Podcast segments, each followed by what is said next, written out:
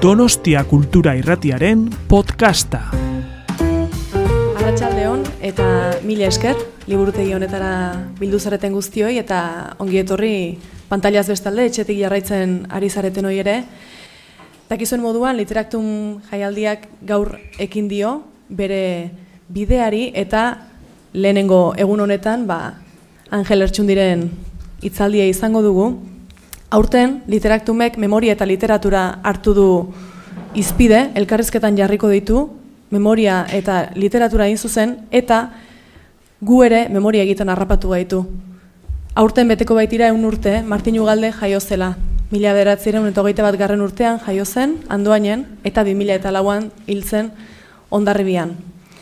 Hain zuzen, bost hitzaldiko sorta bat antolatu dugu, memoria hori lantzeko, eta gaur da bosgarren hitzaldia, Angel Ertsundi bera izango dugu izlari.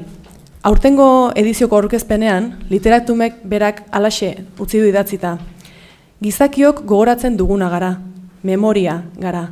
Eta memoria da hain zuzen, literatur sorkuntzaren oinarrizko osagaietako bat, eta horien artean garrantzitsuena. Sortzailea bizi, sentitu eta irakurri izandakoa zornitzen da historio berriak sortzeko. Elemento autobiografiko ez betetako istorioak asmatzen ditu. Ez dago memoriarik ordea, bere antagonista edo aurkakoa den ahanztura gabe. Horrek emango baitio bide imaginazioari, sorkuntzari. Memoria, ahanztura eta imaginazioaren artean bizi da literatura. Martin Ugalde jaio zela eun urte, beteko dira datorren ostegunean. Kazetaria, idazlea, politikaria eta egunkariako lendakaria. Ibilbide oparoko gizona zen Martin Ugalde. Eta bere figura eta bere ekarpena gogoratzeko lanetan ari gara hain zuzen, eta horren bueltan antolatu dira hainbat ekitaldi, tartean aipatu ditugun bost hitzaldiak. Hain zuzen, gizakiok gogoratzen duguna garelako, memoria garelako, literaktumek bere sarrerako testuan aipatzen duen bezala. Eta historio berriak sortu alizateko, guk ere nahi dugu bizi sentitu eta irakurri izandakoa ulertu. Eta tartean, noski, Martin Ugaldek berak utzi zuena. Itzaldi horietan zehar, Martin Ugalderen kazetari ibilbidea ezagutu izan dugu, horregin zituen ekarpenak besteak beste egunkariaren sorreran, gero bere ibilbide politikoa zertu izan genuen, eta gaur bere literatur sormenari erreperatuko digu Angel Lertxundi ba, gonbidatu bezala hartuta. Hain zuzen, Martin Ugalde, exilioak eta hizkuntzak haulenak gogoan. Horixe da Angelek aukeratu duen titulua. Eta zer esango dizuet nik, Angel Ertxundi esnal orion sortua, zarautzen bizi dena, askok handu gisa ere ezagutzen dugu, ala sinatu izan baititu hainbat lan, eta besteak beste hainbat lan egin ditu, baina gehienoi idazle gisa etorriko zaigu burura Angel Ertxundi ez alferrik, produkzio handienetakoa duen euskal idazlea delako bera, eta bere bilbidean hala ere egin izan ditu bai irakasle lanak, bai gidoilari eta zuzendari lan batzuk ere, ba 16garrenean aidanez zinemara eramateko saltoan eta ondoren karreletik ere zuzendu zuen.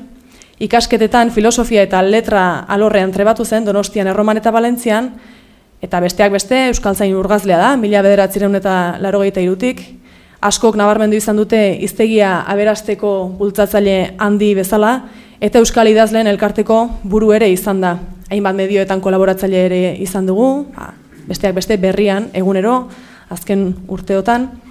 Baina bere bilbidea literaturari emana ulartzen dugu, mila bederatzerun eta irurogeita marrean lehen lan argitaratu zuenetik, oparoa izan delako. Literaturaren alor guztiak ukitu dituela esan genezake, eleberri eta narratibatik hasi, gazte zein heldu eta aur literaturan, saiakeraraino, itzulpenak, bidaia kronikak, eta baita biografiak ere.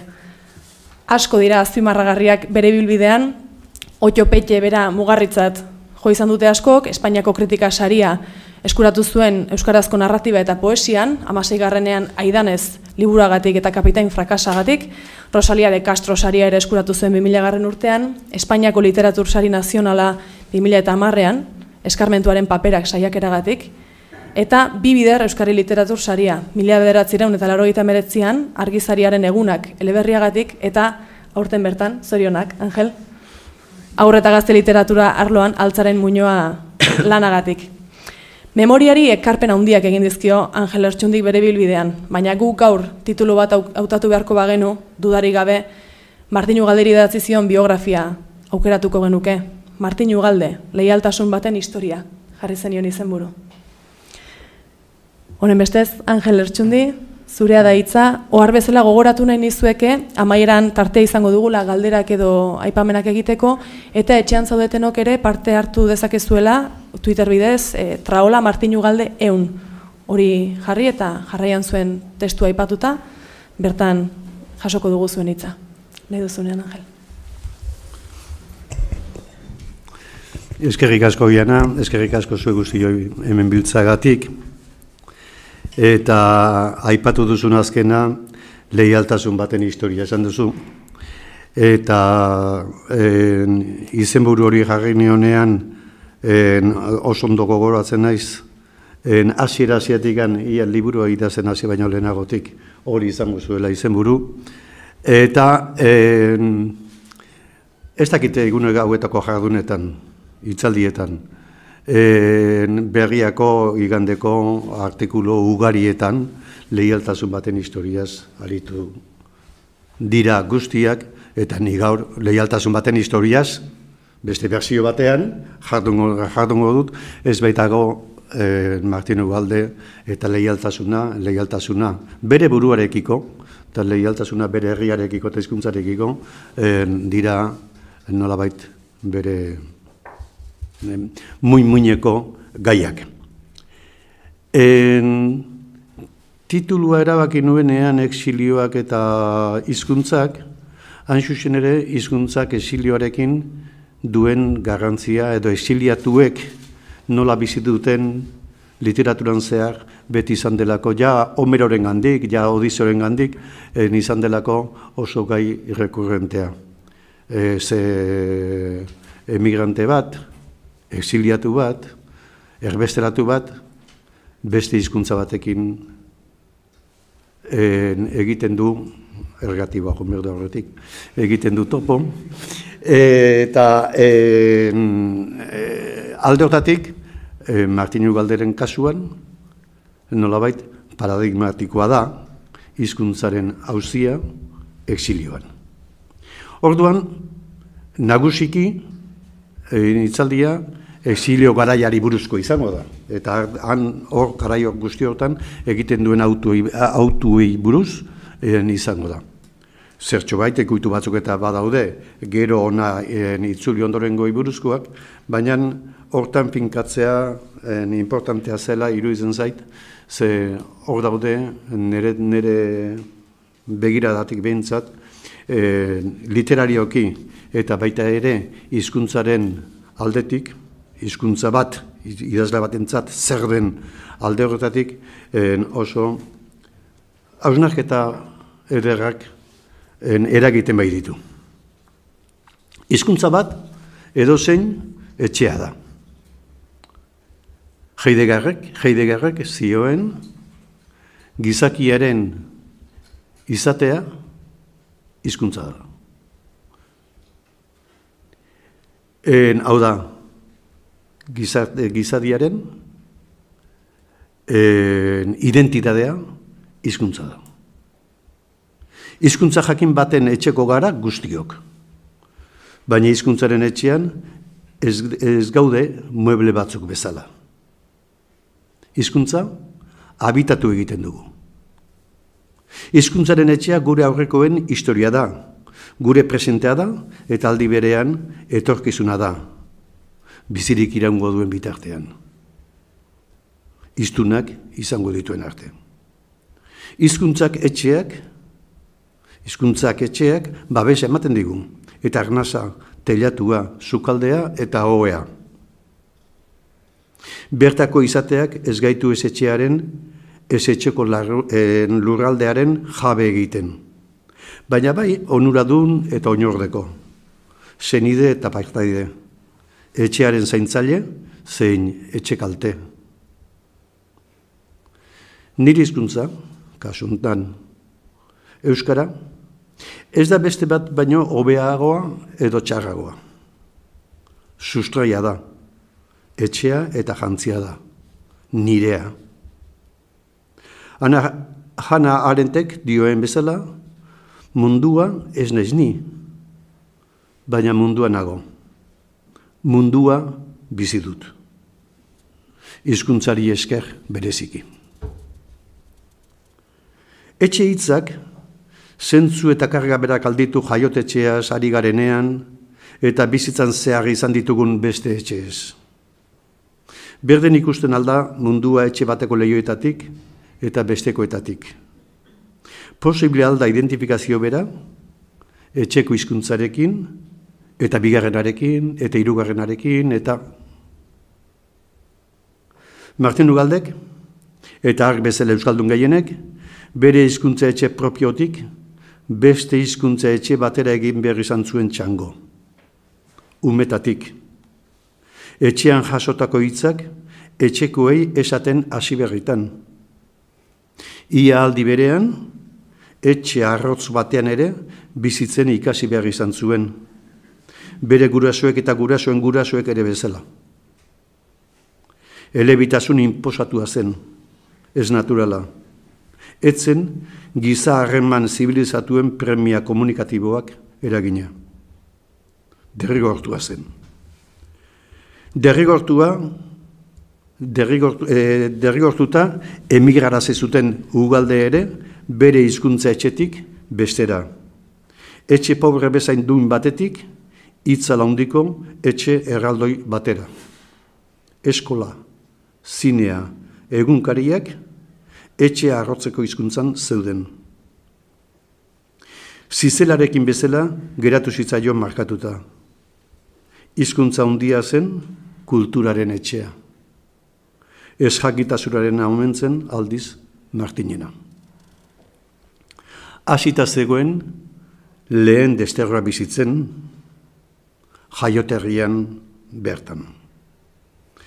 Testerreurik barne muñena eta etxekalteena da. Identitatea kolokan jartzen du, oarkabean eta errotik. Denoi, nire zerak belonaldiari ere, gertatu zitzaion bezala, eta urrungo belonaldiari ere, neurge handi batean gertatu zitzaion bezala. Asire eman dioten honetan, en, irakurri dizu dana da, lehen da biziko apuntea. Denetara, amaika apunte dira, denera, hauzi hauetaz. Lehen desterruaz mintzatu naiz, bigarrena, exodoa izenbura darama. Martin, amabosturte egiteko zegoen, gerra hasi zenean, arbola bati harri bat botatakoan txoriak astoratzen eta sakabanatzen diren bezala, astoratu eta sakabanatu zen Martinen familia ere. Aita bizkaiko frentean ibili zen hasieran.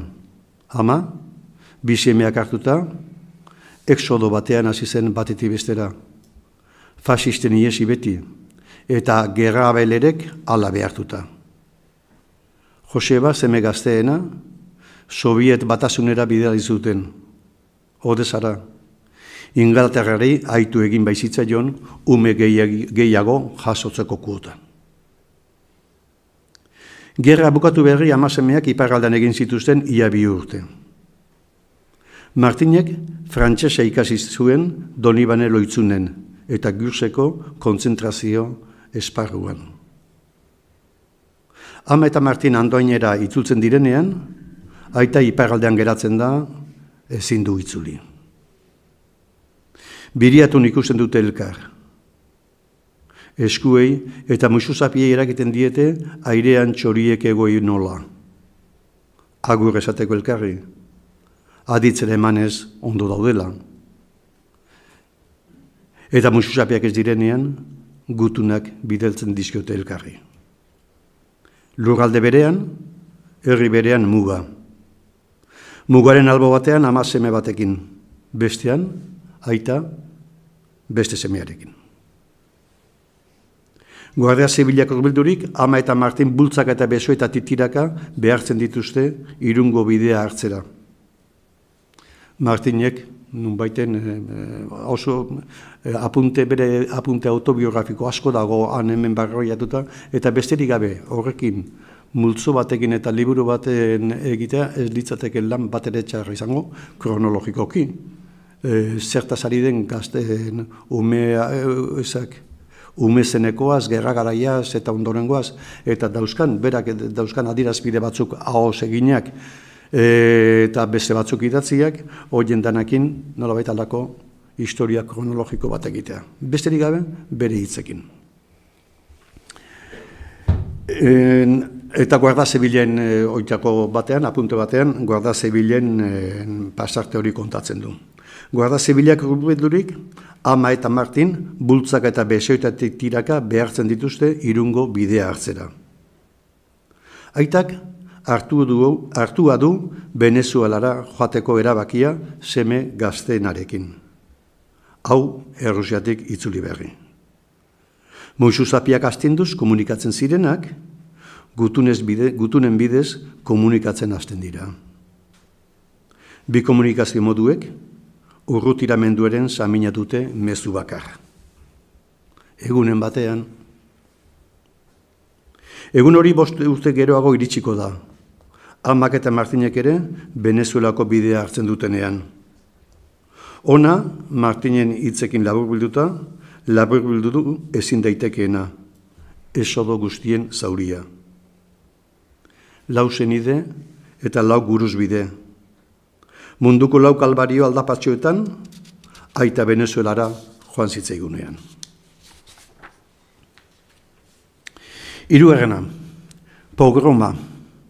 Badak zute, pogroma eh, naziek juduak harrapatu eta eh, zerak e, konzentrazio esparruetara bidaltzen zituztenean, gero jendeak, herriak, nahi zuenak, e, nahi zuena harrapatzeko eta galdatzeko eskubide osoa da zeukan, etzak ezertxor gertatzen juduen etxeak sakeatu eta guztiaren jabe egiten, egiteko orduan.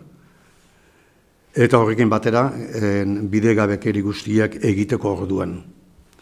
Eta literaturaren historian, Ba, historian zehar, noski historian bertan, eta literaturan izarian ere oso e, nezarak importantera dira programoen kontakizunak han eta hemengo nobeletan. Espainiako egoerari, gerra osteko egoerari, ez zailo nidakidala inoiz pogromo bat deitu, eta pogromo bat da bete-betean.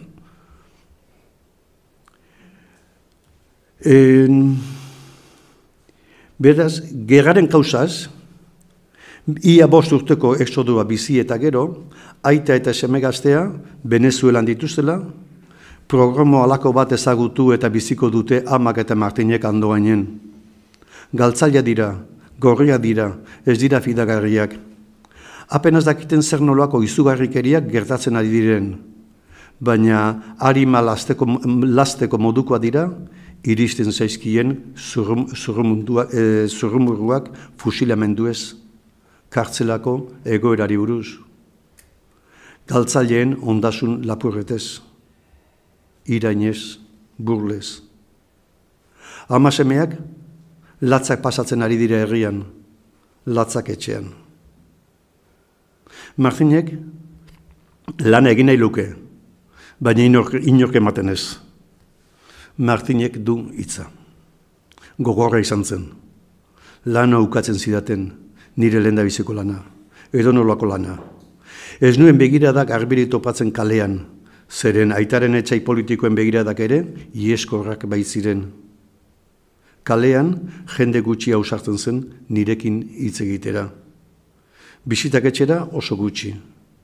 Alako batean, izan zen norbait, do Manuel Laborda ingeniaria, zeinak lan eman baitzidan broka eta errementen fabrikan. Laizzer ordea, Martinek soldadutzara joan beharko du. Tetuan era. Merkantzia tren zahar batean. Hiru urterako, naiz bi eta erdi egin zituen bertan. Hijo de exiliado rojo separatista que viene de Francia, dio Martinen kartila militarrak. Ugaldek dezente, asko eta txukun alegia, idatzi du han hemen bere bizitzaz. Tetuan ere buruz apenas. Asko irakortzen zuela. Ez dakugigu beste esertxo. Ni bintzat ez dut ezagutzen. Tetuan, parentesi, isil bada, kuartel bat bezain handia Martine memorian. Orduko loitzapenak ezabatu nahi izan dituelako agian. Handi bueltan, eta oain hasten da, gure peripezia, idazlaren peripezia, bon, txikitatek hasten da noski, e, txikitatek hasten da noski, e, bi hizkuntzen arteko zera hortatik, baina e, oainekin godiogu ja e, beste martxari. Handi bueltan, lanean segituko du laborden, eta diario basko egunkarian, aukera koskor bat du herriko kronikak idazteko. Kazetari zena pizten hasi zaio. Baina hartan ere, bere herrian egonagatek ere, ez dauka deserriko kazetari bat izatea beste biderik. Eta etxe, eta etxe handiko hizkuntzan idazten ditu kolaborazioak, nola bestela. Gehienak kirolari buruzkoak, seguru asko, ez diotelako ask, beste aukerarik ematen. Eta seguru asko jarri dut ez dakizergatik.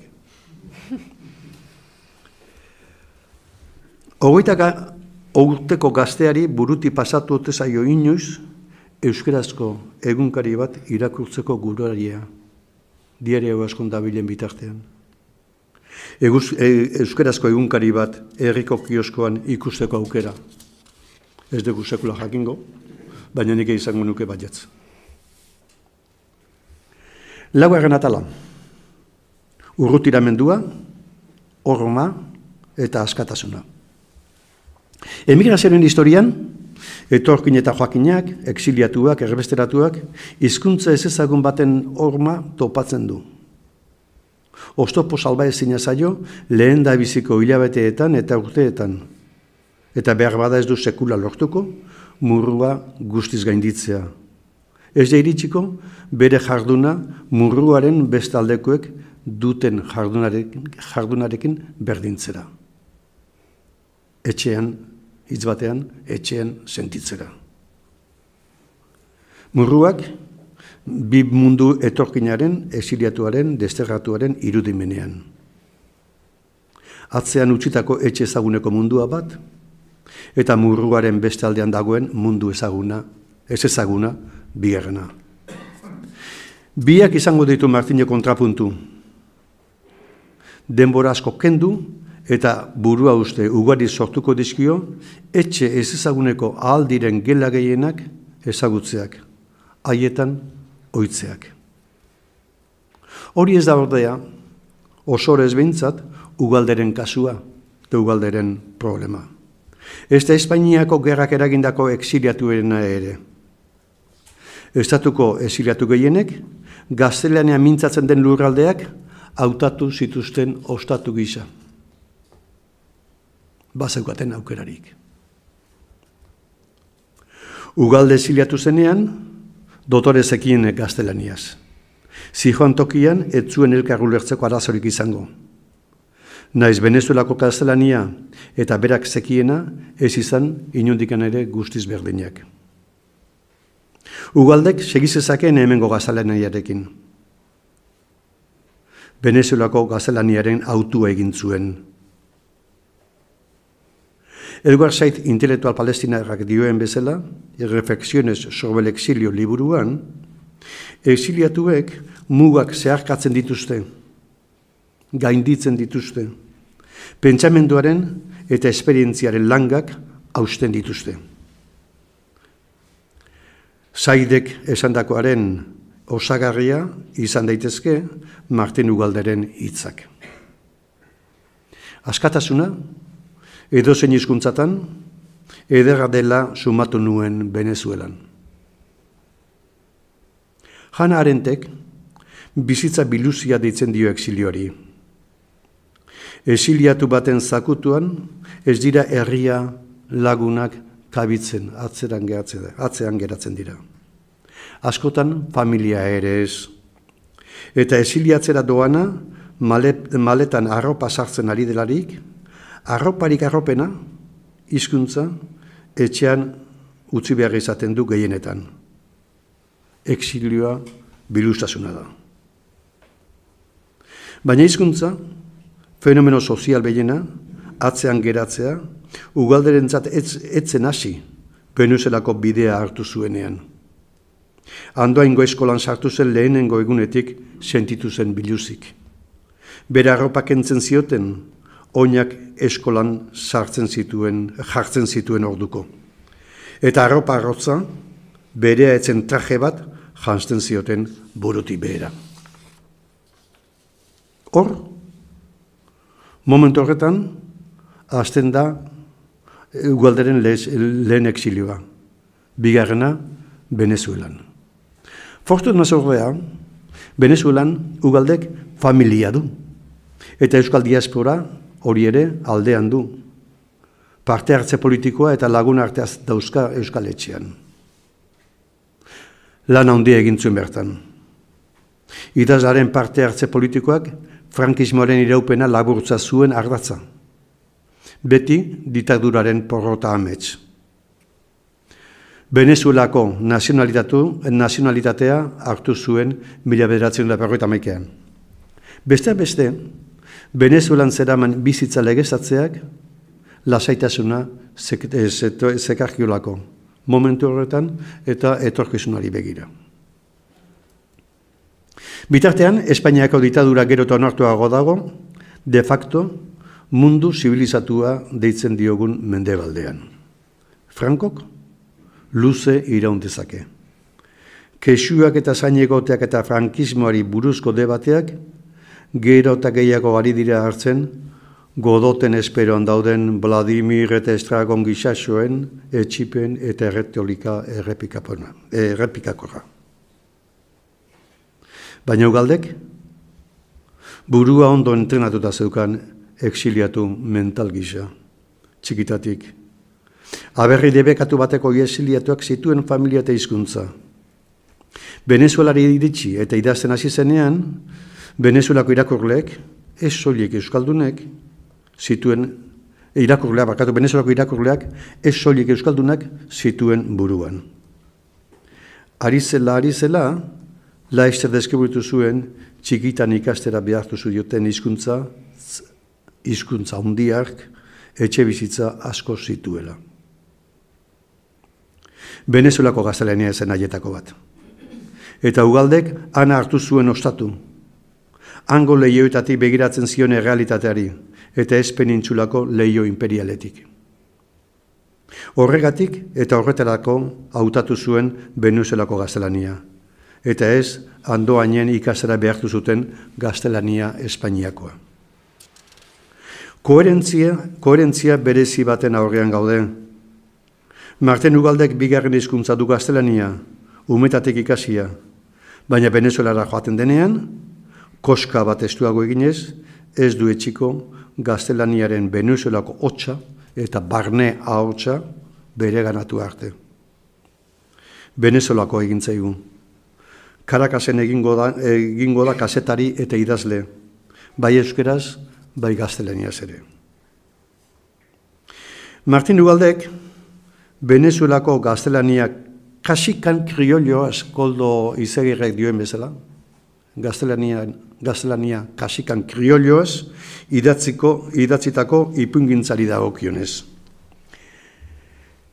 Horri dagokionez, Karakas inguruetako jende xea, diruak eta botereak eta historiak bastratutako jende soil apala du literaturako, literatura egiteko mami. Euskaraz idatzitako obra literarioetan, aldiz, euskal gizartearekin lotura zuzena duten gaiak jorratu ditu. Hiltzaileaken, gerra galtzaileak.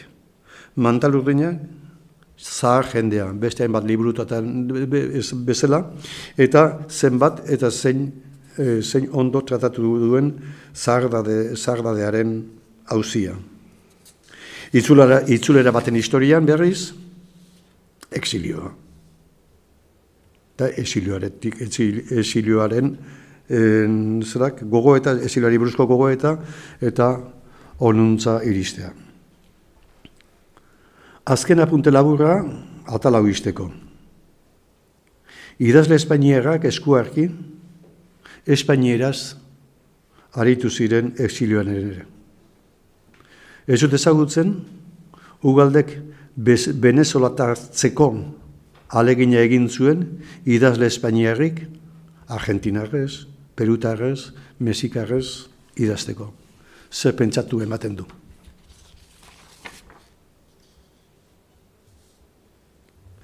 Bosgarren atala. Elebidun, elebitan. Ugaldek arretiratu zituen lehen hiru obrak gaztelaniaz daude. Venezuelakoan. Imágenes de la Semana Santa en Venezuela, mila bederatzen dut berroita masei, erreportajea. Eta un real de sueño sobre andamio, mila bederatzen dut berroita masazpi, eta la semilla vieja, mila bederatzen dut berroita mesortzi, ipuin liburuak. Laugarrena, aldiz, euskeraz, hiltzaileak, mila bederatzileun da iruita bat. Ez, da, ez dago garbi, edo nik ez daki bintzat, urren kera horretan idatzi zuen. Hagen hiltzaileak lehenagokoa da, edo tartekoa da, baina ez du argiteratzeko modurik. Lona nahi ere, ugalderen lehen euskarazko liburua da argiteratua. Euskal idazle gise emandako hasiera bikaina, indartsua eta berria. Ugaldek berrogei urte zituen. Mila bederatzen dira eta lauean, las manos grandes de la niebla ipuin sorta argitaratu zuen. Eta degarria da, daraman azpititulua. Cuentos para comprender a Venezuela. Zeini eskenia da liburua. Zeini egiten zaio keinu, ez baldin bada ex, e, exiliatuei. Keinu bera dator, liburuaren eskintza ere, eskintza ere. Baina, zerbait erantzita. A los exiliados vascos que llegaron a Venezuela hace 25 años. Venezueleri arretaz begiratzen dion baten perspektiba da, ugalderen ipuinek ematen digutena. Emigratu exiliatua erbesteratua izanik, bertako usainak, paiseiak, bere, bere ganatu nahi ditu, bera ere bertako sentitzeko. Eta bertakoa sentitu, daitezen, baita exiliatu euskaldunak ere. Langileak, nekazariak, hiriaren aldirietako eta kaleko jende apalak bilatzen ditu ugalderen begiradak. Zin izan baitu, alakoengan dagoela herri baten harima. Haren ibiliren lekuko da baina, aldi berean, bidaide eta solidario. Zorrotza du begira da, eta aldi berean, xamurra. Ezaguer bere literaturaren ezaguarrietako bada, xamurtasunarena. Bere personaien erretratuak eta deskribapenak, haien bizitzak eta nekeak, ez dira etnologo edo pintore kostumbrista baten erretratuak personaien alde humanoari begiratzen dion idazle konprometitu batenak baizik. Ugaldek, Venezuelarekin ditu eskerrona eta konpromisoa, eta horregatik eskaintzen die liburua Venezuelan dauden Euskaldun exiliatuei. Exilioa bihur dadin, gizakion alde, humanoaren kontzientzia eta sustrai. Esaten hariko baliz bezala da ez gaitezen geure baitara bildu. Itultzen garenean, izan dadila, gizabaloreen eta printzipioen pertsepzio bilgarri eta solidario batekin. Euskal irakurle gutxiek ezagutzen du ugaldek erbestean idatzi zuen obra.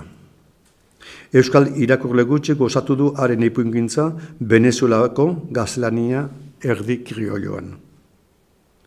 Ugaldek aitortzen du hasieratik saiatzen zela eskolan ikusiz, ikus, ikasi zuen gaztelaniatik apartatzen. Eta nik dio, orduan irakurritako ia liburu guztietan agertzen zenetik urrutiratzen saiatzen nintzen. Irakurketa zuen horretarako aukera nagusia. eta zen bide aproposagoa Ego Amerikako literatura irakurtzea baino. Berak aipatzen ditu, Venezuelan, Gallegos, Pocaterra, Meneses, Díaz Sánchez, Ulzlar Pietri, Alejo Carpentier, idazleen ipuinak irakurtzen hasi nintzen. Gero beste autore batzuk ere aipatzen ditu. E, testu hori idazten duenien, e, ja badara matza, hiru bat edo lau urte, e, argiteratuta, e, zerak, Juan Rulforen Pedro Paramon liburua. Eta argitu egiten hau asko, ez aipatu izanak. Segura asko, Pedro Paramak hasieran ez zuelako izan, gero izan zuen, e, Borgesek, Borges famatzen hasi den arte, azten den arte, ez zuelako alako zabalkunde izan. E, behar bada, horregatik izan daiteke. Ze hainbat eta hainbat ipuin, e, zeak, e, ipuinek e, gogoratu erazten du e, Pedro Paramako giroa. En, autore horien zerrenda bat egin ondoren, baina gero sartzen ditu zerrenda hortan Europarrak eta ere, esaten du aurrerago. Espainiak ez zuen lortu Ego Amerikaren erabateko konkistarik, ez baitzuen haren harimarik agapatu. Herriba konkistatzeko, harima agapatu behar da. Harima geratzen denean, hitza ere geratzen da bere baliapide guztiez, eta hitz horrek mirariak egin ditzake. Benetan aberatsa da, Ego Amerikaren literatura segitzen du, esaten. Eta ez da artifiziala, hori ez, bi zibilizazioak eman diote indar hori. Ez da Espainiera soia, azalean alabadiru ere. Bertako harima ageri da nonaitik. Bitartean, Ego Amerikako idazleen oi hartzuna, gero eta ozenagoa zen, eta Europaraino iristen ari zen inoiz ez bezala. Europa txunditzeraino. Fenomeno horren aro distiratxo hartan bizitzea eta metafora magiko sekulakoari zerion euforia literarioa gozatzea egokitu zitzaion ugalderi. Giro hori bizializatea, giro literario hori bizializatea. Exilioak ez, da, ez dakarten natxarra inondiken ere. Batez ere, e, gizatasunari eta e, giza baliabidei begira jartzen dan en esiliatu baldin bada ugalde bezala. Ondo aprobetsatu zuen oiarzun horren abagunea.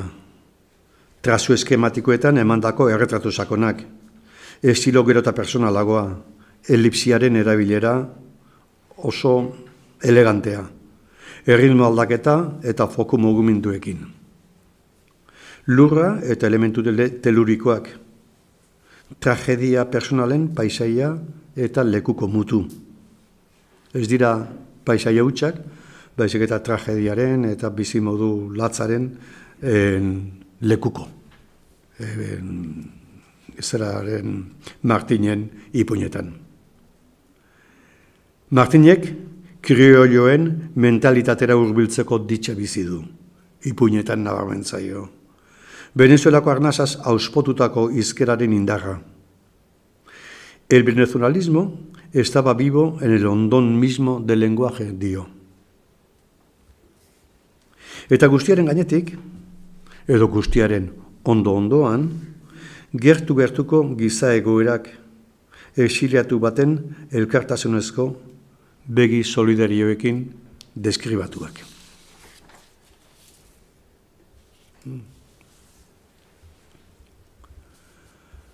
Abixoren arabera, ondo nabila.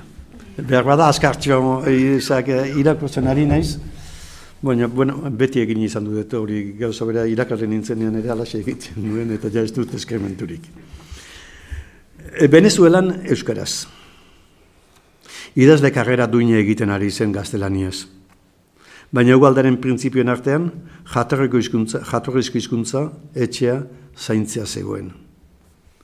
Erderaz idatziz jateko irabazi. Eta Euskal Etxean Euskara landuz hasi nintzen nire lebitasuna pixka bat orekatzen. Hori dio ugaldek. Umetatik jasoa zuen etxeko hizkuntzari eutxi beharra, etxeari ere eusten zaion bezala. Emazteak euskara ikasi zuen arren, etxean euskara hitz egiten bazuten eta bere, er, bazuten ere beren artean eta izan zituzten hiru seme alabekin, arrizkoan ikusten zuen ugaldek hizkuntzaren etorkizuna. Venezuelan, Venezuelarrez hitz egiten zuen bezala, ezin gauza bera egin, euskaraz mintzatu elegia, euskal etxeako lagin, lagun esiliatu askorekin, eta horrek, are kontzienteago egiten zuen, inguru erdaldun hartan euskarari eutxi eta euskara bultzatu beharraz. Eta orduan horrela datoz, amagaxo dago antzerkilana berez euskal etxeetan en, antzestua izateko idatzia. Edo gauza bera, sorginaren urrea umentzago kontuak, mila bederatzen da irurogikoa, irurita zeikoa bakatu. Kuriosoa da, herritar pseudonimua baliatzen zuela Venezuelan Euskadui gaztedi aldizkariko euskarazko lanak izenpetzeko. Baitek pentsa dezake, e, zala, zerak, anonimatoak gordetzeko, bada espadere, polizia espainara urbilote zebilen edo. Ez, bere izena baliatzen zuen gaztelianoko lanetan. Eta ona ugaldek, bera dioena, jokabede bitxiaren zergatia aldia eh, argitzaldera. Eta argibidea, berez, argibidea da, batetik, baina argibide tristea bezetik. Zergatik ez nuen hasiera hartan nire izen ezinatu? Ez dakit ziur.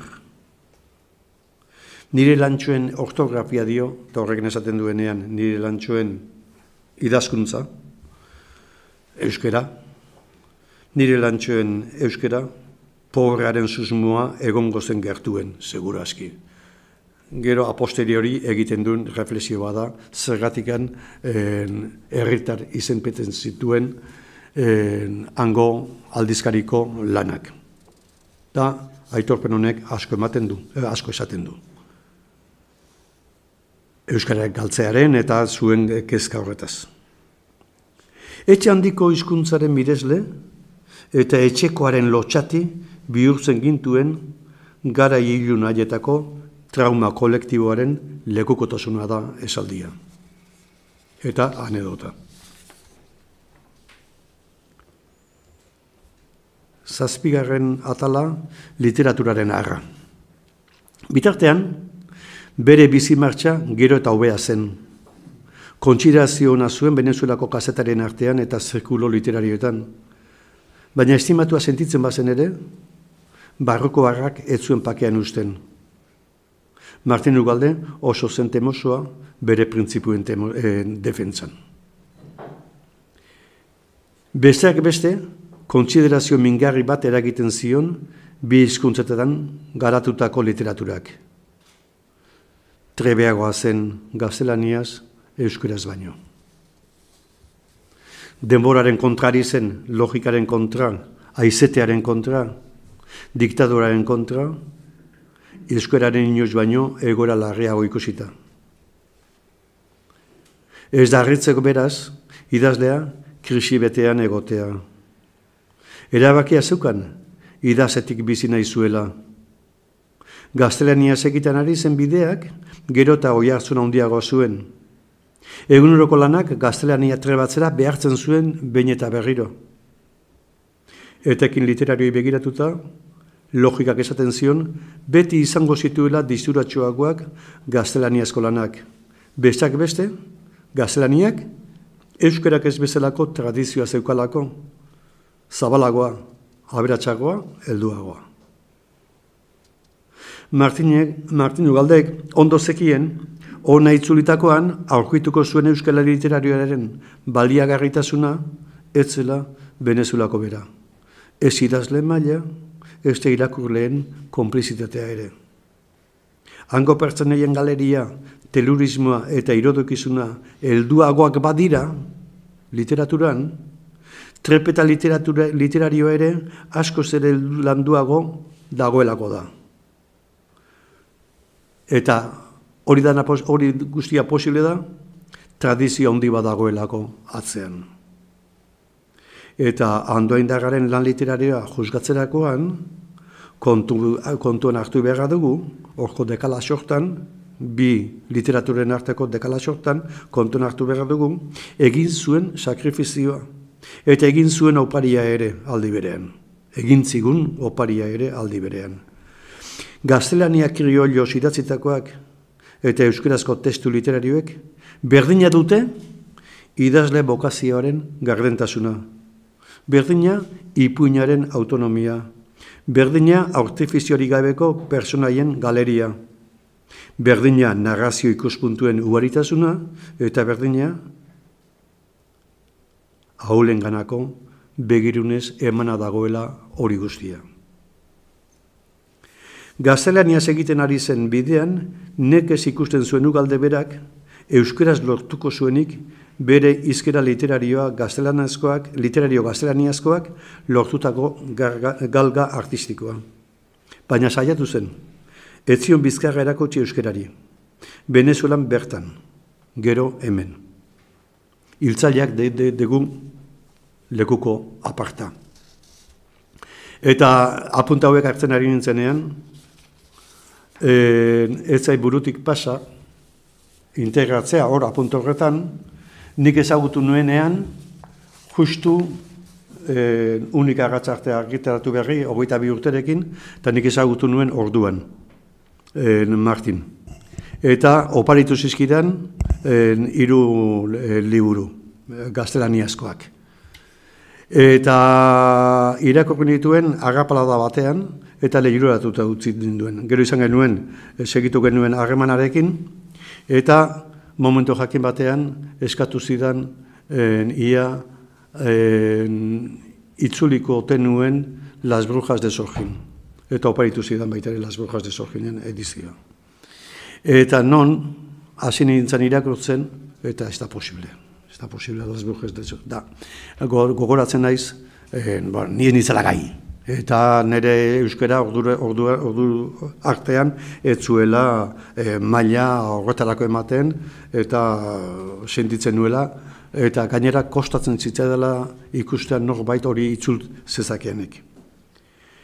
E, eta orduan adibide bat jarri nion eta e, parra egin zidan.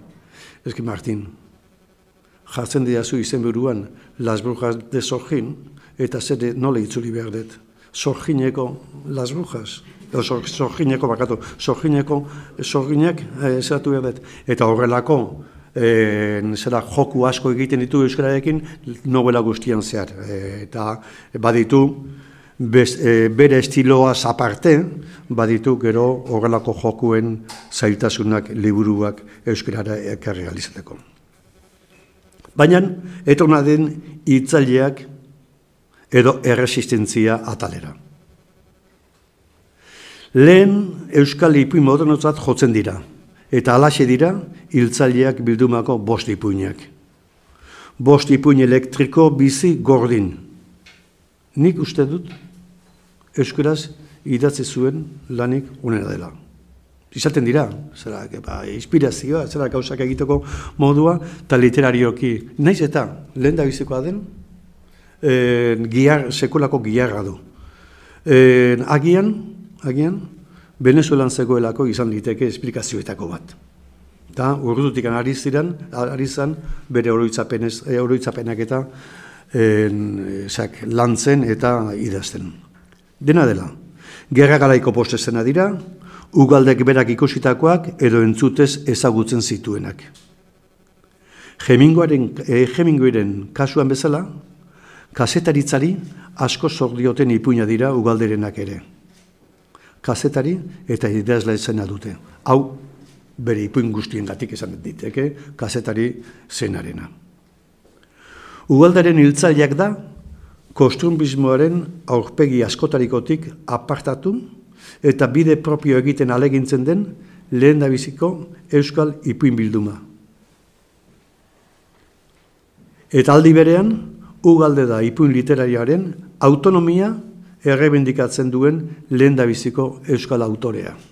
Eta dio, Euskal Herrian eta baita Espainian ere, bada pentsatzeko joera bat zeinak uste duen, ipuinaren generoa bigarren mailako arte badela, umeentzako propioa, akoarela horrentzako ilustraziotzat jotzen den bezala eta ez pintura formala. Ugalderen errealismoak bat egiten du galtzaileekin. Erresistentziako ipuinak deitzen dire, die ugaldak berak.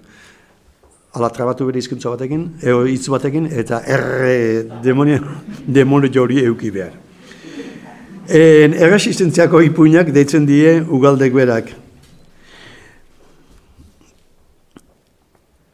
Bertako, Bertako gaiek ez dute posen neutral eta filigrana esetikorik onartzen. Zer da erresistentzia ez bada ez onartzea egoera bidegabe bat. Ondo dakizunean, nagusitu egingo dela kontra egiten ez bazaio. Zinez, erresistentziako lana izan da ugalderen kulturgintza. Horriz horri ipunetik ipunera, badakigu ugalderen talaia ez dela aseptikoa izango. Naiz kazetari naiz idazle, ugalderentzat, lekukotzat, e, ugalderentzat, lekukotzak du garantzia, eta ez gertakarien deskribapen objetibo uste hotzak. Onak eta gaiztoak baino, irabazleak eta galtzaileak markatzen ditu ugaldek irabazleen ankerkiriari eusten segitzeko erra eta galtzaileen impotentzia. Sufrimendua banatzeko mekanismo jabe, jabe guztiz altsuak batetik, gerra osteko gurutze isila daramatenak bestetik. Historiak banatutakoak. Horrek, berez dauka dakar atmosfera morala ez dauka zertan entretenitu begi biztakoa dena markatzen. Begiradan dago, inon egotekotan, obra literario baten dimensio morala.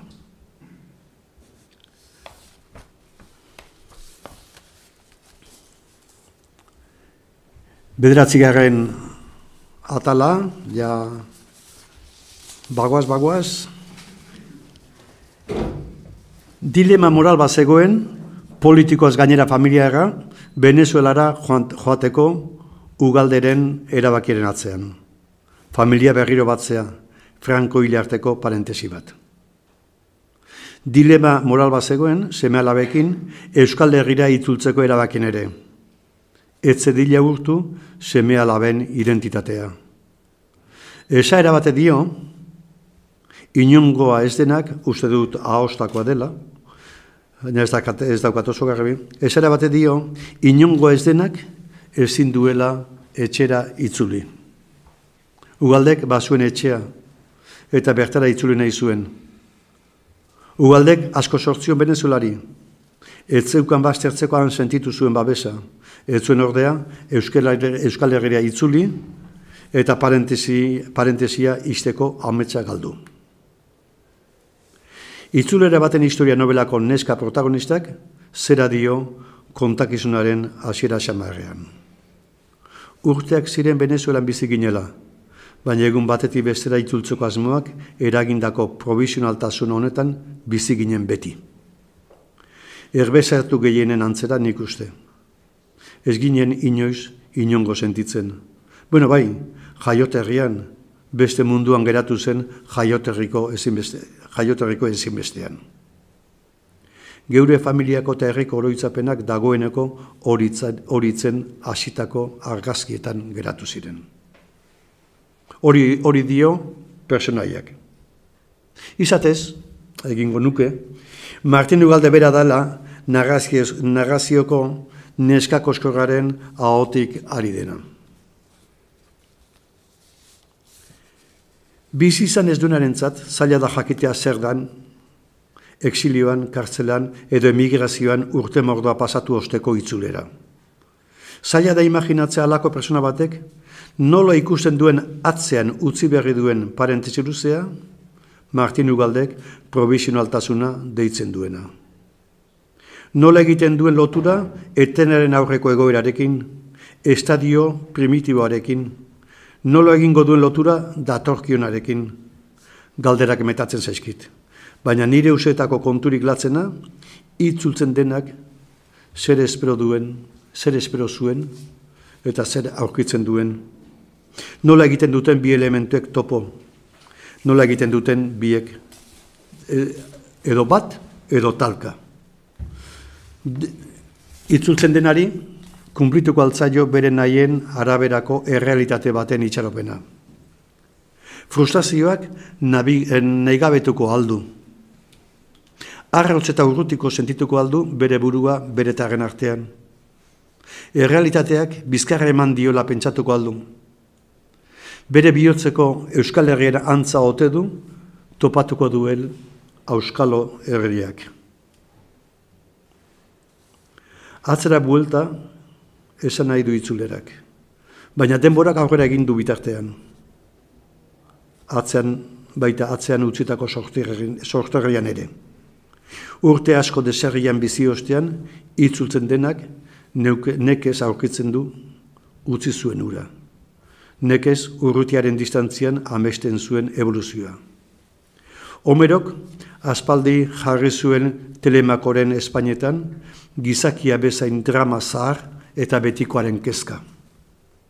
Espero nituen enbilan enbilela, ez nadilea ni galdu. Exiliatu azenu galde, ez aberri gabe bat. Espero, espero nituen enbila, zebilen ugalde.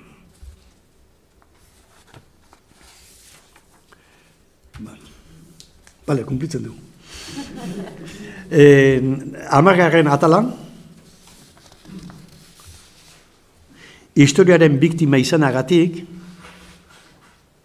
historiaren egile. Franko hilostearen esperantzak ematen zion arnazau galderi, baina oso garratza bihurtu zaio itzulera. Hasieratik, itzuli eta laster, larrauti konprobatu du frankismoak berean segitzen duela. Gipuzkoako gobernadore zibilak Espainiatik bidali du galde, eta eskartzelara, pasaporte venezolarrari esker. Doni banelo izunen jarri da bizitzen. Emazteak eta seme alabek, ondarri jarraitzen dute. Gogorra behar du norberaren herrian, exiliatu gisa bizibiarrak. Ugalde, ez da kasu honetan bintzat, ez da ordea exiliatua sentitzen. Arrotzek errepresializatua, errepresializatua baizik bere herrian.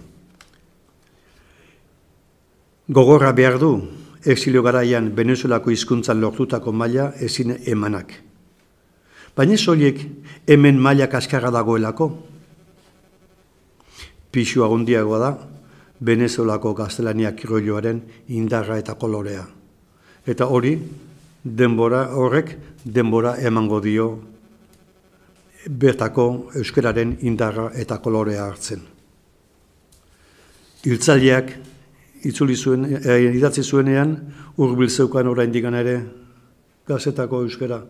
Eta gero, itzult, e, idazen azten danean, eta e, ezagutzen duen egoerak, berriz, e, ez du ezagutzen e, berri egia zailo, eta egokitu egin behar du egoera batera, eta gainera, Venezuelako, kri, e, Venezuelera krioloak ematen ez diona bilatzen saiatuz. Behin hemen ordea, argi zeukan, laizter, euskal kulturari buruzko divulgaziorako baliatuko zuela gaztelania. Sintesis de la historia del País Vasco, hablando con los vascos, eta euskeraz idatziko zuela literatura. Itzuli beharritako ilusioaren erdian, Euskara batuaren premiari eta zilegitasunari buruzko eztabaida garratza bizi eta sofritu behar izan genuen Martinek ere bai. Eztabedaren erdian, Martin Ugaldek zubigintza bikaina egin zuen, kazetarion baten moduan, alde batekoak eta bestekoak elkarrizketatu, debatearen alde onenak lehenetxi, ezin ikusi personalak kontrolatu. Lanaren guztiaren fruitua, batasun eta zatiketen artean izeneko elkarrizketa, erreportaje eta bere iritzi propioen bilduma aparta eta egunkaria noski.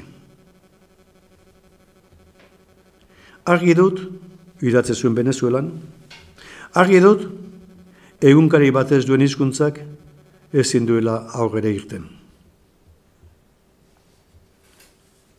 Lizardiren amets betegabea, gerra garaian argiteratu zen eguna egunkaria gerrarekin batera galdu izana,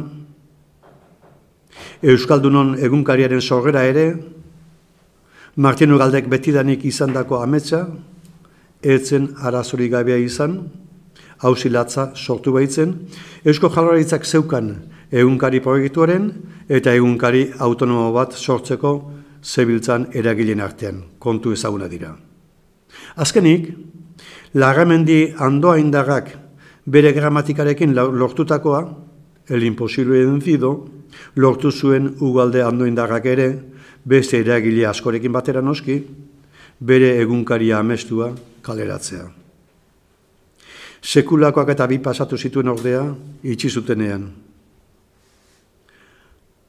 E, berari buruz idatzi ditu dudan e, nezake, liburutxo batean, kontatzen ditut horri buruzko kontuak.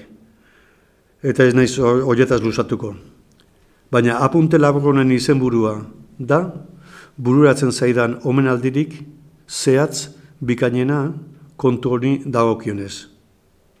Historiaren biktima izanagatik, historiaren eragile izan genuen. Eta azkeneko apuntea, etxeak, hizkuntzak. Etxetik eskolara bideko lehen esilioarekin hasi dut itzaldeia etxea hizkuntza aberria. Iruitz, kontzeptu, metafora horiek, elkarrekin funtzionatzen dute, ugalderen bizitzan, ugalderen literaturan. Estimu onditan, zeukan ugaldek Simon Bolivar. Askatasun personalaren eta herrien askatasun eskubiden aldeko eredutzat. Gutxi aipatzen den, eta lehiuragarria den erreportaje original bat idatzi zuen ugaldek. Simon Bolivar biziz izan zen eta ostatzuzat hartu behar izan zituen etxeak deskribatzen ditu erreportaje horretan. Bertan, pakian eta gerran, iesi zebilela, hautzaroan eta zartzaroan izan zituen etxeen berri ematen du. Erreportajea zoroitzeak imaginatzen agapatu nahu. Alde batetik, ugalderen bizitza gora beratxuko etxeak imaginatzen. Andoain, Zarautz, Donostia, Bilbo, Santander, Xato Sinino, Gurseko konzentrazio esparrua, Caracas, New York, Evanston, Ondarribia, Donibanel, Loitzune, eta horko etxeak. Eta etxe horietako sentipenak eh, izkuntzei, eta esilioari dagokionez. Eta bezetik, baita ere, exilio luzean erabilitako hizkuntzen arteko harremanak. Etxe horietan gertatzen diren harremanak. Ea beste baterako den, nahikoa luzatu data gakua. Mili esker.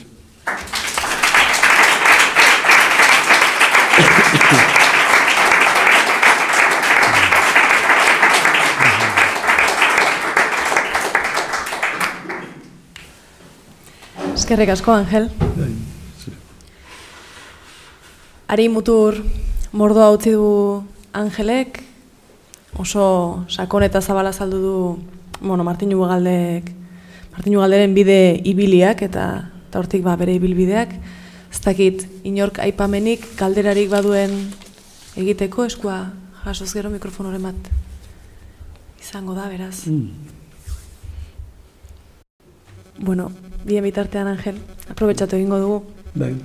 Apur bat hizkuntza eta eta etxearen irudi horrekin abiatu zara eta eta itzuleran ere eskatuko nizuke irudikatzen saiatzea etxe hori nola aurkitu zuen. Bueltan, Martinek. Leio hartatik begira, zer ikusi ote zuen? Mm. Eh, bueno, eh, nik ezautu nuen ezak eh, Martin eh, urte nik ez, ez nuke esango zehatz ze urte zan, baina ezautu nuenean oso optimista zen. Zerak, e, artean Franco hilgabe zen, hori, hori garbi daukat. Baina, bueno, bagenekin, ja, laizteat ezatuko zela. Eta optimista zen. Eta e, batez ere, nik ilusio handiarekin ikusten nuen, e, ikusten nuen, e, zerak, e, literaturako. Behar bada, nerekin hitz egiterakoan, ala zegoelako. Nik elkarrezketa bat nion, e, elkarrezketa luze bat nion, zerako. Eta ez daukat etxean. E, eta egunen batean bilatu beharko dut, e, e, garaia aldizkarien. E, oso azkar kaleratu eta desagertu zen. Eta elkarrezketa hartan, e, literatura hitz egin genuen bereziki, baina baita ere bere Venezuelako e, historiaz, eta baita ere bere Venezuelako e, bere literaturaz, bere ipuinez. Lehen esan dut, bere ipuiek nire joratuta utzi nindutela, eta orduan las grandes manos de la niebla buruz izketan jatun genuela denbora luzean, hori horitzen naiz. Ez dakiten da ja, gero, zeak bertan, zerak e, ze xeitasun dauden jasota esaten duen bezala, e, elkarrezketa hori ez dudalako eta idatzi nuenetik ez dudalako gehiago ikusi. Baina badakit, bera gustora gatu zela, eta ni e, ze esanik ez bera gustora gatuta. Eta an, oso animoso zegoen, eta kezkatuta, kezkatuta, ja ordurako, Euskara Batuaren historiaekin. Zer berriro ere zeratzen elkarren artean, hasi berrotak duen zeak, eta hoa handikan ere, iruru eta sortzian Euskara Batuaren hauzia e, planteatzen besterik etzen nahi. Ez ziren gero etorri ziren liskarrak eta ez ziren etorri. Eta badakit asko sufritu zuela, nahikoa da bere liburua irakurtzea. Eta gogoratzen ditu denak hori ediak, bere itzulera horretan gogoratzen diren elementak hori dira eta parrein genuela, bai, zerakin, las brujas de Sorginen historiarekin. Bai. Zure ustez, Angel, gero ere bere literaturak diasporarekiko keinuei eta eutxizien mantendu zuen begira da han?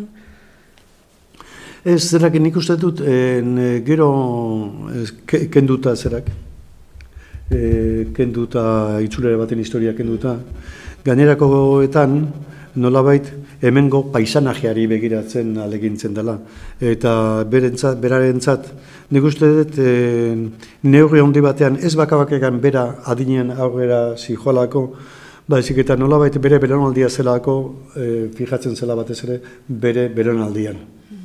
Alegia, lehen da biziko esilioko jende horren gana, ezak eskolako zer horretan. Eta orduan horregatik hainbeste, ni pentsatzen dute, zer ikusia bat duela horrekin,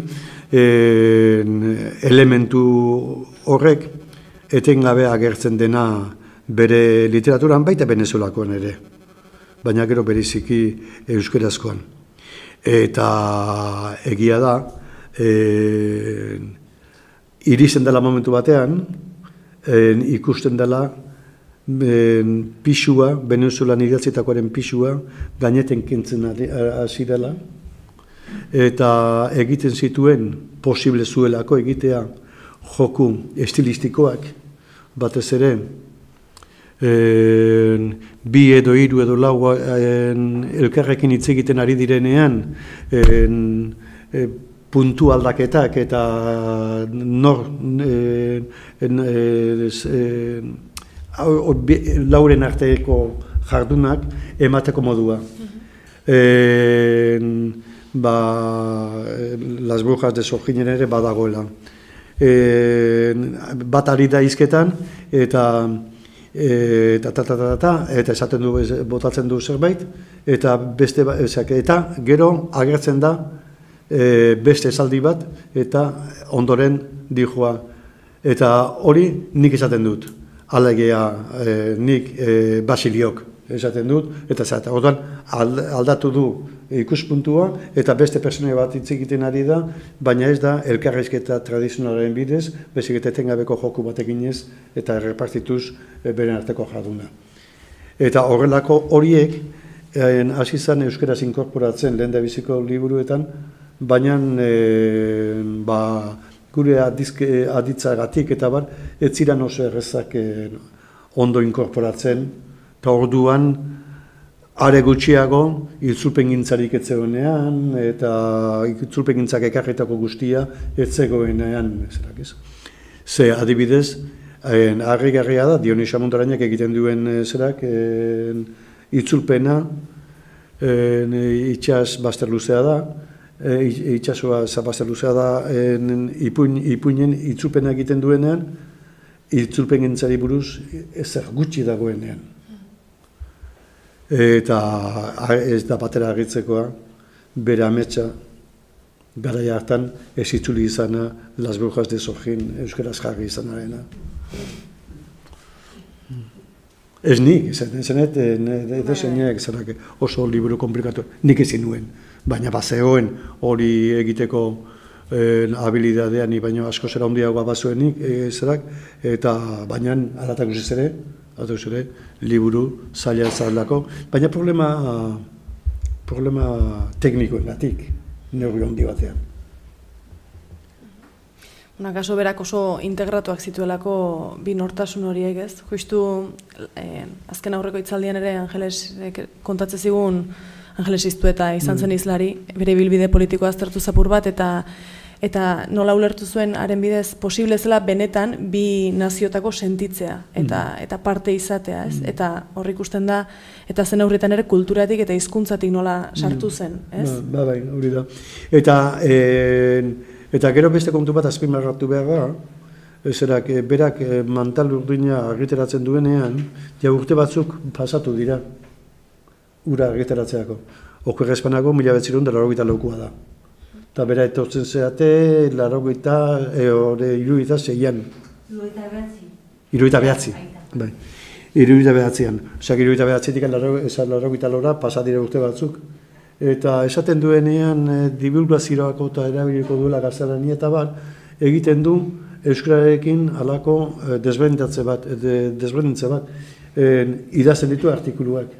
Beha, kasetaria da, idazten ditu artikulak, eta gainera, testu laburra dira, eta gainera, ez dute testu literario baten zailtasuna.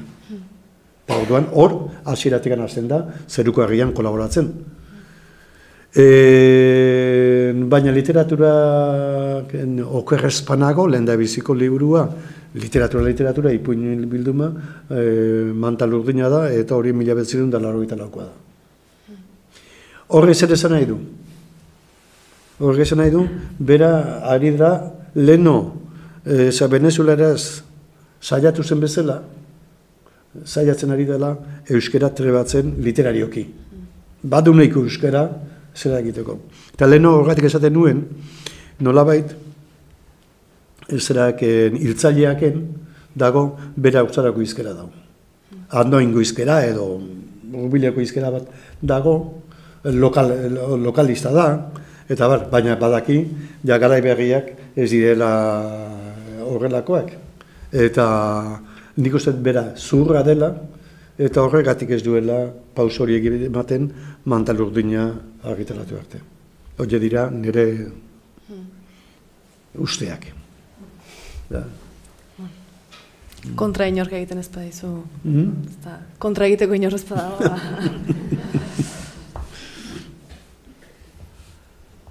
Igual baten badago alde egiteko. Ez dakit?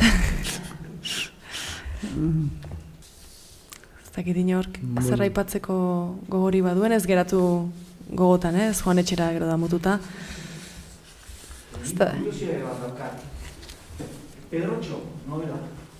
Bai. Ez ez dut aipatu, e, gerra garaiko zerak e, Bilboko gerratearena, ez ez dut aipatu, baina legoke, legoke hiltzaileen hiltzaileari buruzko buruz esan ditu denen barruan legoke hori.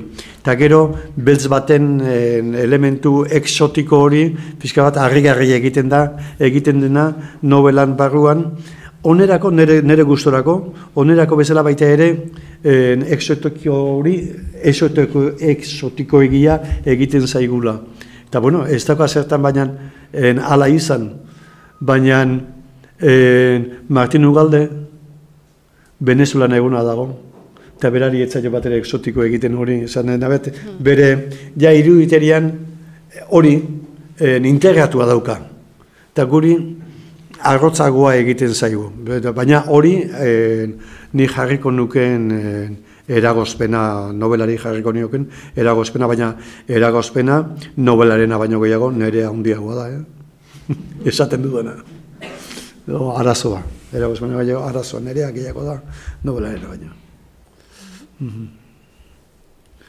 Baina, e, beste beste, ez eta ipatu ez da ere hor erretiradako zerak, eta ez dut ipatu beste obrak ere, justu esiliotik bueltaraino e, garatu dudalako nire gaurko lantxo hau. Interesgarria hasieran esan dudan bezala, interesgarria iruditzen zaidalako e, perspektibotatik begiratzea zerak e, esilioaren perspektibatik begiratzea hizkuntzen arteko joan etorria eta kasu honetan literaturan ba, Martin Ugaldek bizi duena. Ze seguru nago, e, nunbaiten aipatu dudan bezala, seguru nago, e, eza katalanen, katalan esiliatuen, en, euskal exiliatuen, en, euskal exiliatuen artean idazleak e, desente daude, gehiago itzulpena, itzulpenera josutenak eta bar, baina badaude, eta e, galegoek, e, bi hizkuntzen arteko erabilerari buruz eta eta abarrai buruz hemen tratatu ditugunak e, desberdinak direla Espainiako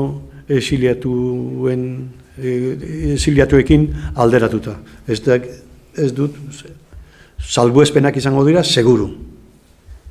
Baina salbuespenak beti dira, dira salbuespenak. Eta seguru nago hori galiziko literatura edo zerak katalinoako esaratuko balitz, e, ikuspegirtatik behiratuko balitz, e, ba, gutxura bera ondorio honetara iritsiko ginateke. Martin Ugalde bapaino gehiago bilatuko genuke beste, beste biliteraturetan. Beste inork aipatzekorik ez badu?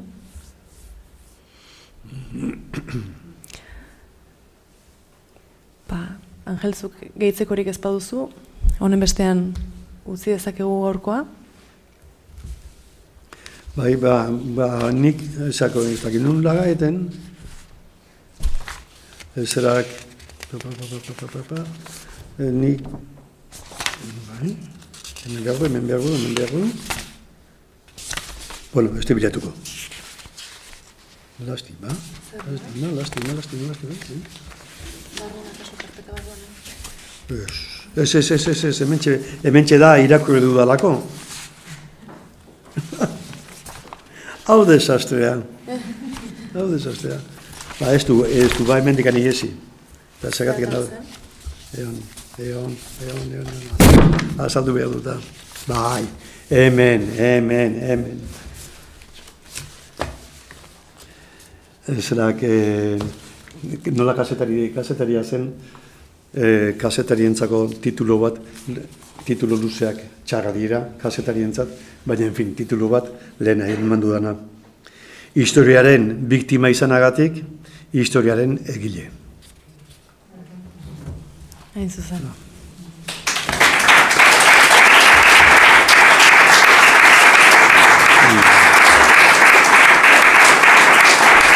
Espera. Ba, honen bestez, e, eskerrak eman edizkizugu, bueno, eskerrak eman bai noski Angeli eta, bueno, gorko itzaldia posible egin duten Martin Ugalde Kulturparkeari, Donostia Kulturari eta Euskal Idazleen elkarteari, e, gizakio gogoratzen duguna garelako, memoria garelako, ba, memorian gordoneko nituzke eta gogoratu nahi ditugu historiaren galtzaileak, biktimak eta eta noski ba, historiaren egileak ere. Gogoratu, ostegunean izango dela urte hurrena, ostegunean beteko dira eun urte Martin Ugalde jaiozela, eta hori gogoratzeko hainbat ekitaldi daude aurre ikusita Martin Ugalde kulturparkean, lehenik goizean bere ekarpen osoa eta bere obra osoa digitalizaturik e, aurkeztuko da. E, jakin fundazioak digitalizatu du eta jakin.eus webgunean aurki dezakezue dagoeneko eskuragarri dago bere obra guztia modu digitalean eta irekian, eskuragarria donorentzat, eta eguerditik hasita hain zuzen, itzulera baten historia irakurketa jarraitua izango da, ba, literaktumek memoria eta literatura elkarrezketan jarra dituen froga bizi-bizia izango duzue, gustu baduzue, eta hori ere streamingez jarraitzeko aukera. Beraz, mila esker eta gonbidatuta zaudete.